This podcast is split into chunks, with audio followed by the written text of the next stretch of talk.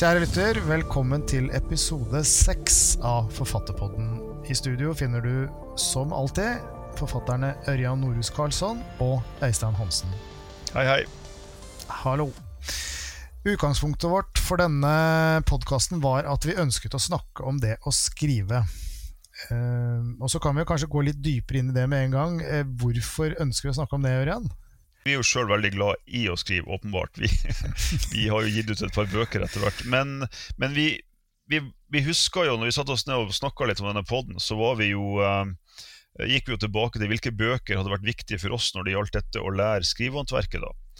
Og, og, vi hadde veldig mange like referanser, og vi så jo også at de ulike forfatterne eller uh, akademikere, eller hvem det nå er som skriver sånne skrivebøker, de, har, eh, de vektlegger ting litt ulikt og, og, har litt ulike råd. Og vi ønsker å dele litt av våre erfaringer. For å ta en liten oppsummering av de fem første episodene, for her, eh, denne episoden her, nummer seks, den blir den siste i denne sesongen, så startet vi jo med at Uh, hvis du sitter der ute og har et skriveprosjekt eller en idé om at du vil skrive noe, så har vi vært litt opptatt av at du må være Eh, bevisst hvorfor du ønsker å skrive. Har du en personlig motivasjon, eller har du f.eks. ønske om å underholde? Og Det er to ting det er viktig å skille. Begge deler er like greit, men det sender deg av gårde i to vidt forskjellige retninger. Mm. Og så var vi nok litt uh, Kanskje ikke vi, jeg i alle fall. Jeg hører på meg sjøl når jeg snakker om dette, at jeg er litt streng. Hvis du mener med å skrive, så må du faktisk sette deg ned og skrive det nytter ikke å, å sitte på, uh, på, en barstol og vente på inspirasjon. Du må skrive, prøve å skrive helst hver dag, og på et eller annet tidspunkt så, uh, så vil, man, uh, vil, man, komme inn i det ganske naturlig. Da var vi jo inne på dette med de berømmelige 10 000 timene. ikke sant? Legger du nok energi og tid inn i noe, så, så vil det kaste av seg på et eller annet tidspunkt. Um, og en annen ting som vi var innom i den første episoden, som vi gjerne kan gjenta, er uh, hvor mange historier er det egentlig du har inni deg. Svært mange skriver ut fra en personlig erfaring eller en ting som er veldig viktig for, for dem selv. Og det er heller ikke noe galt i det, men hvis du bruker deg selv uh, helt og holdent, så kan du faktisk bruke opp alt du har på den ene første boka, og det er mange som mener at det er årsaken til at det er så mange enboksforfattere. Ja. Jeg, jeg, tror også En annen ting jeg tror vi var inne på der, er jo at eh, når en forfatter gir ut sin første bok, så har han eller hun ofte jobba med den ganske lenge i kulissene før du sender den inn til forlaget. Og Så eh, møter du en redaktør, og så jobber man litt til, og så kommer den ut, og så sier forlaget det her er veldig bra, vi ønsker en ny bok, helst neste vår. Og så sitter du der, ikke sant, og du har egentlig brukt syv første, år på den første boka, og nå ønsker forlaget en ny bok om ni måneder. ikke sant? Og det er klart at da er det en del som blir ganske stressa. Det er jo en ting vi kanskje kan poengtere her, er at uh, diskusjoner forfattere imellom, og kanskje de diskusjonene man ofte ser i, i, eh, i de avisene som fortsatt har en viss litteraturdekning, uh, hvor også kritikerne er inne i bildet. Uh, og der er det mye god dynamikk, men den dreier seg veldig ofte om det litterære. Altså det litterære prosjektet til den enkelte forfatter, at enkelte forlag har en viss litterær skal si, retning på utgivelsene de, de står bak. Men forlagsdrift er faktisk kommersiell virksomhet. Og det forlagene kanskje mest av alt driver med, det er jo markedsføring og salg av produktet bok. Ja. Og da kommer det inn at uh, ja, det er flott at du har fått ut en bok, men man ønsker at det skal være mer. Enten det nå er i for, form av en serie, eller i form av en serie med bøker fra den samme forfatteren. Ja. Enten så er serien produktet, eller så er forfatteren produktet. Og, og Det er jo ikke så rart at, at forlagene eh, tenker på den måten, for det tar tid å bygge opp et forfatterskap. Eh, mange forfattere har eh, tre, fire, kanskje fem bøker før de begynner å få litt grann, høyere salg og bli mer kjent. Og Det er også fordi at det er mange forfattere om beinet. innenfor krimmen så er det svært mange som ønsker både å bli sett og lest. Og da må man ha litt Eh, utholdenhet for å, for å, slå igjennom. og Da trenger man å få gitt ut bøker, og da hjelper det også at man er i stand til å gi dem ut med en relativt eh, jevn frekvens. Og da er vi litt tilbake til det vi snakket en del om i første episode, som du nevnte nå, at uh, man må være i stand til å produsere. For er det det en forfatter først og fremst gjør, det er å skrive. Man skal tenke, man skal drive research, man skal leke seg med ord og setninger, men man må faktisk jobbe med tekst. Mm. Det er det vi driver med. Og det må være en produksjon som faktisk kaster noe av seg i form av sider. Eh, gode eller dårlige i starten, men du må faktisk produsere sider, slik at det syvende og sist blir en bok. Og Den disiplinen der, den kan man, eh, mener jeg i hvert fall, man ikke kan understreke nok. Altså, det er ekstremt viktig at du holder deg sjøl i nakken og faktisk skriver. Og så sitter garantert noen og hører på oss nå og tenker at her snakker de om produkter, og her snakker de om produksjon, her snakker de om å få ut sider, og her snakker de om kommersiell drift. Men hva med kunsten? Hva med, hva med, dette, hva med den ene gylne setninga? Den er der selvfølgelig, den også. Og de som ikke tror at uh, også kjente og ekstremt dyktige forfattere for det første tenk økonomi, og for det andre uh, også tenk produksjon, de gjør jo selvfølgelig det. Kanskje en av de mest vellykka forfatterne, og han har vi vært inne på før, Stephen King, han, en, han har jo en enorm produksjon.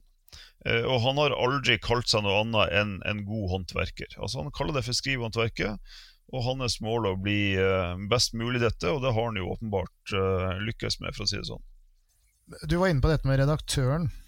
Um, og enten du nå er på et forlag, eller du har tenkt å gi ut bok selv, så er du uansett i det samme forholdet til en redaktør. Og redaktørens rolle er jo først og fremst å gjøre deg og ditt arbeid bedre. Dette er folk som kan litteratur, som har lest mye, og som vet hva som fungerer, og vet hva som ikke fungerer. Og de, den, de utgjør den helt nødvendige motstanden i, i det prosjektet du har gitt deg ut på, som er å skrive en bok det er i hvert fall en kjepphest som jeg har hatt, og der brukte jeg ordet, eller begrepet kjepphest med vilje, for det er jo en klisjé. Vi forfattere har en tendens til å være litt sånn forsiktige med å snakke om hverandre sine verk. Vi er litt redd for å tråkke på hverandre sine føtter, eh, og kanskje diskutere oss imellom hva som er eh, god litteratur i betydninga at den er litt frisk og ny. Altså Hvis du leser en krim, for å ta det som er meg og Eisteins hjerte nærmest, i tillegg til thrillere, selvfølgelig, Eh, så er det sånn at leser du en krim, og forfatteren bruker uh, 'Det var mørkt som i graven' seks-syv ganger gjennom boka, så er jo egentlig det ikke tegn på noe annet enn litterær slapphet, ifølge meg, vel å merke. Uh, og, og, det fins altså det finnes en diskusjon her som går på at selv om man skriver innenfor en sjanger som har klare forventninger til hva som skal uh, komme ut på andre sida, hva leseren skal møte, så er ikke det til hinder for at man faktisk kan være litt nyskapende? Litt spenstig og drive med, uh, ja, med litt grann sånn nybrottsarbeid, selv innenfor en ganske sånn stivramma sjanger. Jeg er helt enig. Er, eh, teksten kan jo aldri bli bra nok. Og jeg er sikker på at både du og jeg med våre bøker kunne hvis, eh, Vi kunne brukt et år til og to år til på hver av dem. Og det, kunne, det ville antageligvis blitt en bedre bok av alt. Ja. Men dette har jo noe med profesjonalitet å gjøre også, i den forstand at du lærer deg å skrive og bli en effektiv forfatter eh, som faktisk skriver godt innenfor en mm. tidsramme som er slik at forlaget sier at dette er bra, dette fungerer. Dette er, den, dette er, god litteratur, og dette fungerer inn, f.eks. innenfor den sjangeren vi skriver. Um, skriver man f.eks. poesi, så er jo det en, et helt annet prosjekt. Da skal man jobbe med langt færre ord, ikke sant? Kanskje på en lengre tidsakse. Ehm, det er ikke dermed sagt at det ene eller andre er noe bedre eller dårligere, men det er litt forskjellige måter å jobbe på. Og så er vi jo tenker av og til uh, Vi, vi snakker litt for lite om hva som er likhetstrekkene mellom de ulike sjangrene. Altså, I Norge så har det vært en debatt, og den er nok der fremdeles, om at krimmen får altfor mye oppmerksomhet. Og ikke bare det, krimmen og spenningslitteraturen er altfor lik. Eh, hvis man leser litt variert i Norge, og f.eks. tar for seg alle de romanene som kommer ut i løpet av et år om den norske middelklassen, eh, så ender man jo opp, hvis man skal lese alle de bøkene som kommer ut i løpet av et år, og det har ikke jeg gjort, men jeg har lest en god del, at du har en følelse av at du egentlig leser den samme romanen. Litt som eh, kanskje den eh, type folk som ikke liker å lese krim, etter å lese et par krimbøker, tenker at dette her er jo akkurat det samme. Sånn at jeg tror at innenfor ulike felt så har man ulike må eller like måter å uttrykke seg på, som er gjenkjennbart innenfor sjangeren, men det må ikke nødvendigvis forveksles med at alt er likt. Det handler liksom om å gå inn i en sjanger eller retning på dens egne premisser, men man skal jo ikke være ukritisk heller, da. Nå kan det kanskje virke på en måte, når vi sitter her og snakker, som at uh, dette er en masochistisk øvelse, og det er det. Helt klart. Det, er, det, er, i perioder tungt og vanskelig å skrive bok. det er Man vil oppleve at man står fast, man vil oppleve at det man gjorde dagen før som man syns var bra, viser seg å være bare snaut middelmådig. Um, det å kaste ting, skrive om, være i stand til å faktisk lytte til at andre sier at nei, dette her funker ikke, dette er ikke så bra, eller også se selv at nei, dette holder ikke, det er man nødt til å tåle. Ja.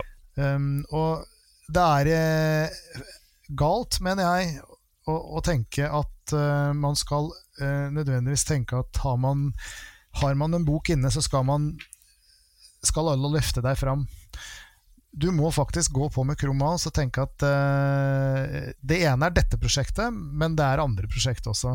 Mm. Og da er vi tilbake til hvorfor gjør du dette her, hva er det du vil? Mm. Den motivasjonen må du ha i deg, og du må holde fast i den, og så må du gå på og, og skrive den neste boka og den neste. Ja, og, og, da er vi jo litt tilbake til dette med redaktøren igjen også. Redaktøren er din venn, eh, fremstår ofte som din uvenn, men det er en illusjon. Eh, og, og, spesielt tenker jeg for de, de gode indie-forfatterne der ute.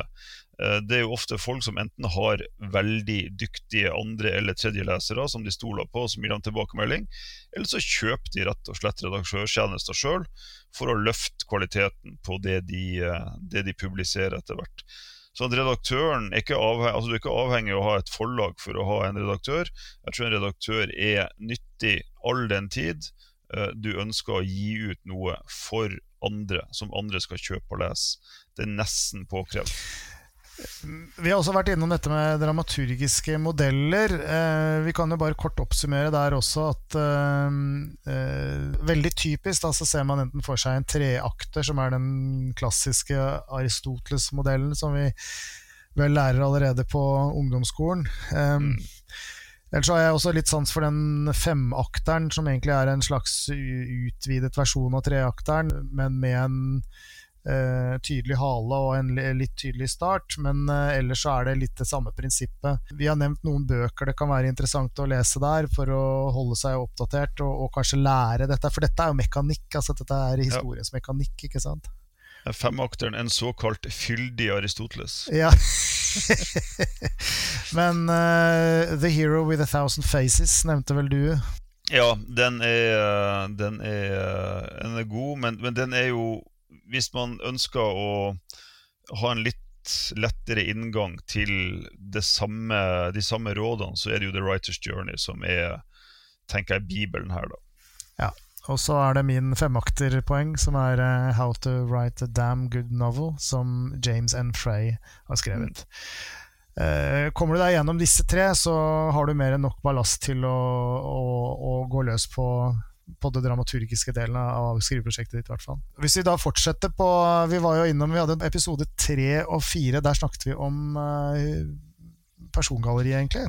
Ja. Vi nevnte dette med eh, hvilke arketyper man har i en eh, roman. Venner, fiender, hjelpere. Eh, dette med modus og tempus. Altså tempus er, er tiden, er setting og tid. Eh, karakterbuer. Eh, spor tilbake hvis du ikke eh, har det helt klart for hva vi snakker om nå, for det er også viktige ting.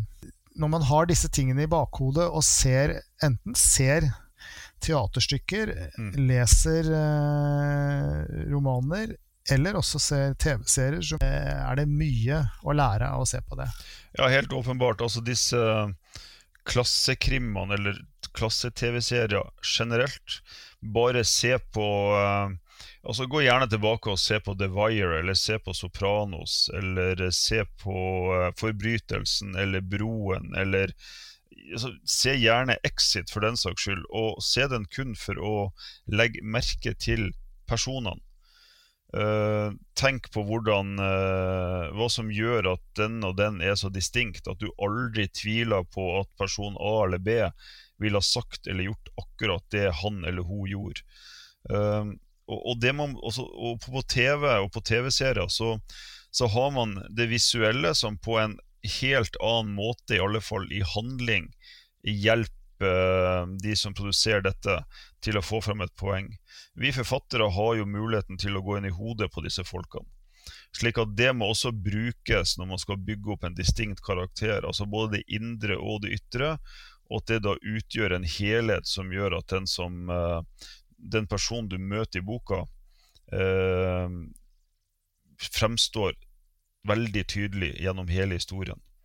Eh, og det at noen fremstår tydelig, betyr ikke at de ikke kan overraske deg. Men når de overrasker deg, så er det som du tenker at ja, selvfølgelig. Eller det var en kime til at han eller hun kunne gå i den retninga der en eller annen plass. Altså, ting henger sammen eh, på det psykologiske. Uh, og det er det som gjør det spennende. Og der er jeg helt enig med Eistein. Der er TV-seerne i ferd med å bli drivende gode. Jeg tenker som en, um, som en slags skal vi si, leveregel, nærmest, så vil jeg oppfordre alle som, som skriver, eller som har tenkt å begynne å skrive, til å bli et eh, bevisst observerende menneske. Mm. Um, vi var litt inne på det i en av de tidligere episodene at uh, man, man, må, man, må, se på de rundt seg. Hvordan er det mennesker egentlig er? Uh, hvordan handler de? Hvordan reagerer de? Hvordan agerer de? Hvordan Eh, hva slags fakter har de, hvordan snakker de, alle disse tingene her. Jeg sier jo ikke det at man skal gå rundt med en notatbok, men den har du jo for så vidt inni hodet uansett. Du husker ting når du ser det og opplever det. Men, men, men bruk det du opplever. Eh, observer de rundt deg. Særlig mennesker man ikke liker. De er det mye, mye, å, mye å lære av. Eh, det er også mye å lære av å se Jeg har stor glede av å se nyheter, men med et perspektiv på hva slags Hvem er disse skikkelsene som står og snakker på pressekonferansen? Hva er det den politikeren egentlig mener nå? Ja, nå har vi jo hatt en gal mann i Det hvite hus i fire år. Det har vært interessant å observere han, ikke sant? Mm. Men han er jo ikke den eneste. Du har jo Bolsonaro i Brasil, og vi har Putin og har, det, er, det er så mange dårlige ledere rundt omkring. Bruk dette. Altså det, er, det, er, jo Livet er fullt av stoff. Da mente du selvfølgelig da stoff som du kan bruke i bøker? Ja, ja, jeg mente det.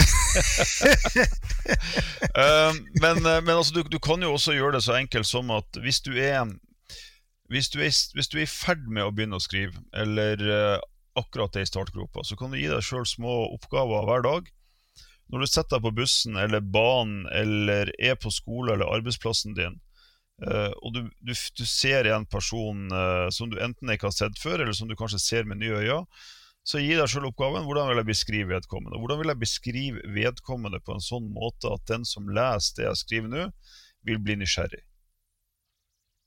Og, og, og, dette er en sånn hjernetrim, en sånn mental uh, gymnastikksak som, som, vil gjøre at du etter hvert som du tvinger deg sjøl til å, å, foreta disse beskrivelsene, vil bli flinkere på det. Du vil, du vil legge merke til uh, særtrekk på en annen måte, og du vil ende opp med å bli mer distinkt og direkte når du beskriver personer. Og jeg vet ikke, altså De fleste har hørt den at du har ofte bare to-tre sekunder på å gjøre et førsteinntrykk.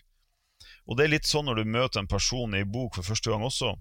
For at denne personen ikke skal forsvinne ut av historien eller bli utydelig eller diffus, så må man ha et anslag i det første eller andre, eller i alle fall i det tredje avsnittet, som gjør at når vedkommende dukker opp senere, så tenker du ah, det er han, det er hun, det er hen. Uh, og det er vanskelig. Jeg mener jeg sliter med det ennå. Men, men, men ha bevisstheten rundt det gjør at du i hvert fall er et steg nærmere å lykkes. Det er helt, eh, og Spesielt eh, når du skriver i sånn sjanger som vi gjør, hvor det jo ofte er mange skikkelser, så må de mm. være ganske distinkte og litt uh, firskårne, egentlig, for at du skal huske uh, ja. den ene fra den andre.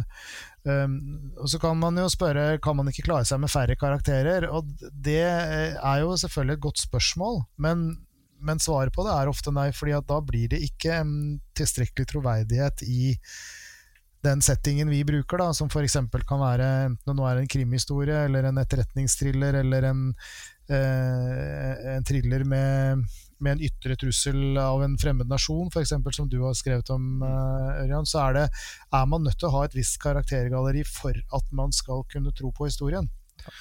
Og da må dette funke. Og det, er det morsomme med å skrive den type thrillere, er jo at du, du, du skriver jo historier som på film ville hatt latterlige produksjonskostnader, men som du kan få til da i ei bok fordi at man, man, har den muligheten. Men du er inne på dette med færre personer. Det er jo en sjanger nå i det siste. I og med at dette er siste episoden, så kan vi jo i den sesongen så kan vi jo se litt, om ikke inn i glasskula, men se litt på trender, da. Uh, psykologiske thrillere har de siste årene dukka opp igjen litt på nytt. Det er ikke et nytt fenomen, men de har blitt litt mer uh, populære, og det har vært skrevet et par gode som, som har fått mye velfortjent oppmerksomhet. Uh, jeg husker jeg leste uh, Ruth Lillegraven sin 'Alt er mitt', tror jeg den heter. og der er det Persongalleriet der er en, altså sånn som du legger merke til, husker jeg, en tre-fire stykker.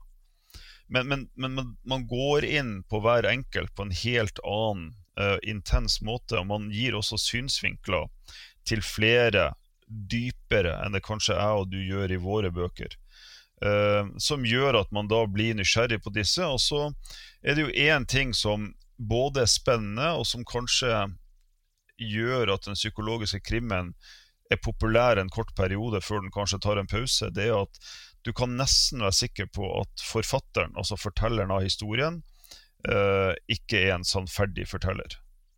Uh, vedkommende vil nesten garantert ikke gi deg full innsikt i psyken til hovedpersonene. Gjør han eller hun det, altså forfatteren, så vil eh, katta være ute av sekken og historien være over på side fem. Og dette er jo et, et, grep som man da, etter å ha lest et par-tre sånne bøker, kjenner igjen ganske raskt.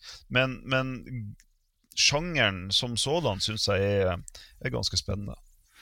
Det burde kanskje e, Et veldig kjent eksempel på et sånn historie er jo 'Gone Girl' da, av ja. uh, Gillian Flynn. Nei, nei altså det, det, er et veldig godt eksempel. Jeg vil tro at det var noe av det som kickstarta denne runden av, ja. av psykologisk krim. Ja.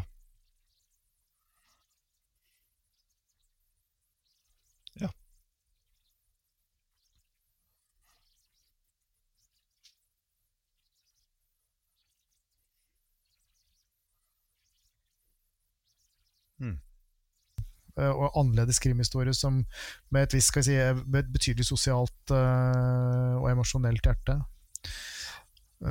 Men den sjangeren har jo ja, Domestic noir har man jo fort kalt dette, da. Mm. Og med ofte, som du påpeker, en upålitelig fortellerstemme. Eller flere upålitelige ja. fortellerstemmer. Det ligger ja. jo de, Hva er sant og hva ikke, når man får flere perspektiver. Dramaturgisk så er jo dette her supereffektivt, fordi at du kan jo hele tiden stille ting opp mot hverandre. Veldig. Uh, er det sant, er det ikke sant? Den ene ser det på den måten, den andre ser det på en annen måte. Jeg vil jo egentlig si at det er en ganske enkel motor. Ja, men, men da er vi i hvert fall på et sted der du uh, ikke trenger dette enorme uh, karaktergalleriet. Men på en annen side så må du være god på det psykologiske. Altså Du må kun, du må kun beskrive de du har med dybde og troverdighet. Og, og, det er kanskje enda viktigere at disse ulike personene er distinkt. Hvis ikke så, uh, så, så blir dette fort uh, uinteressant, hvis alle tenker litt likt. Jeg tenkte jeg skulle slenge inn en, en annen ting også som har slått meg, og dette er nok heller ikke noe nytt fenomen, men det har dukka litt opp nå uh, i, uh, i, det siste. Og det dukka opp i Norge særlig når, uh, når man fikk ei bok som het 'Krypdyrmemoarer', som ei som heter Katrine Urke skrev, og som fikk griseslakt, det må det være lov å si, ei bok. Og stort sett etterpå fikk veldig god omtale, og også ble solgt til utlandet. Og her er det da en, eh, et, eh, en, en slange som, eh, som, har faktisk en viktig, en viktig fortellerstemme. Altså Du har da perspektivet til et, et krypdyr, faktisk. Og på tidspunktet som dette spilles inn, da, så har jeg fordi at jeg jeg er jo en sucker når det gjelder å kjøpe bøker som Stephen King uh, anbefaler. Uh, og han har nylig da anbefalt ei bok som, uh, som heter 'The Last House on Needless Street'. der det etter sigende er ei rotte som har et, et perspektiv eller synsvinkel Eh, og lite hyggelige ting å si om, eh, om, det mennesket som i alle fall bor i det huset som, som rotta bor i. Nå er jeg litt usikker på om det er rotta eller mennesker som mener at den bor i huset, men, eh, men uansett. Det er, det er, et interessant grep. og Det kan jo tenkes at tradisjonalistene, altså de som ønsker krim litt som Sherlock Holmes skriver krim, ikke syns dette er så interessant. Men det er jo en måte å, uh, å gjøre noen uh, spennende grep innenfor en sjanger som av og til virker litt grann sånn stiv i, uh, i ramma det er kanskje en fin måte å, å runde av hele her, eh, denne runden her for oss, Ørjan. Fordi det å finne noe som er annerledes, det er jo å, å kunne grave seg ned, liksom gå dypt inn i rom i hodet som du ellers ikke får lov å besøke. Det er jo en av forfatterens store privilegier. Jo, det er interessant, og det finnes jo en god del Det finnes jo eksempler på en del forfattere som har brukt litt for lang tid der. Men det er jo Inni seg selv. Ja, ja, og da er vi jo inne på Da er vi jo på sånn uh, den der retninga man hadde på 60- og 70-tallet, der du har da uh, Naked Lunch av uh, skrevet av William S. Burroughs, som var en del av en, en gjeng med forfattere som, som også brukte litt substanser for å få hjernen til å bli med på et par rundkast som kanskje var vel ekstrem, men sikkert spennende for dem. Ja, vi, vi får se vi, vi, vi, kan ikke si at vi kan anbefale det. Nei, vi, tar avstand fra den arbeidsmetoden. men, men, jeg må få lov uh, å komme med en anbefaling av en vareulvbok som jeg hadde stor glede av å lese, som heter The Last Werewolf. Den er skrevet av Glenn Duncan uh, en gang på 2000-tallet, i hvert fall. Eh, den, har, eh, den, har, det artige konseptet at den handler om en varulv som er litt lei. Men du dør jo faen meg aldri, ikke sant? så det er mange hundre år, og uansett hva fyren gjør, han røyker og han holder på, så er det helt umulig å dø. det, det, er jo et, det er et genialt konsept. Det fins jo, uh, jo, en komiserie på det må være HBO, om disse vampyrene. Ja, ja, ja. Den fra New Zealand, ja. Ja. den er også helt fantastisk. Og disse har jo levd i det uendelige. Og du merker jo på dem at de blir jo bare særere og særere. Det er som den eldgamle onkelen som bare dukker opp på eh, julemiddagen din ikke sant, én gang i året, og som for hvert år så ser han bare har snakka om ting du ikke forstår, og ser bare mer og mer merkelig ut. Det er litt sånn. Det er veldig morsomt. Et godt argument mot sånn der kryoteknologi, det der. ja, ja. Men, uh, men folkens, um, det vi hadde tenkt å gjøre, er jo at vi skal komme grusomt tilbake uh, i sesong to. Vi er ikke helt sikre på hvordan sesong to vil bli, men vi tror den vil bli litt løsere i snippen. Vi vil fremdeles ha skrivetips og våre betraktninger rundt det å skrive som en hovedingrediens. Men jeg tror også vi vil uh, dykke litt mer ned i bøker som har gitt oss uh, gode opplevelser, eller snodige opplevelser, eller som vi husker. Litt sånn som uh, Eisteins The Last Werewolf, som for å være helt ærlig første gangen jeg har hørt om i dag. Men det er viktig å lese. og vi ønsker også å bidra til optimisme rundt det, da, både å skrive og å lese. Ja. Så Inntil vi høres igjen, takk for at du hørte på. Les mye. Vi ses og høres.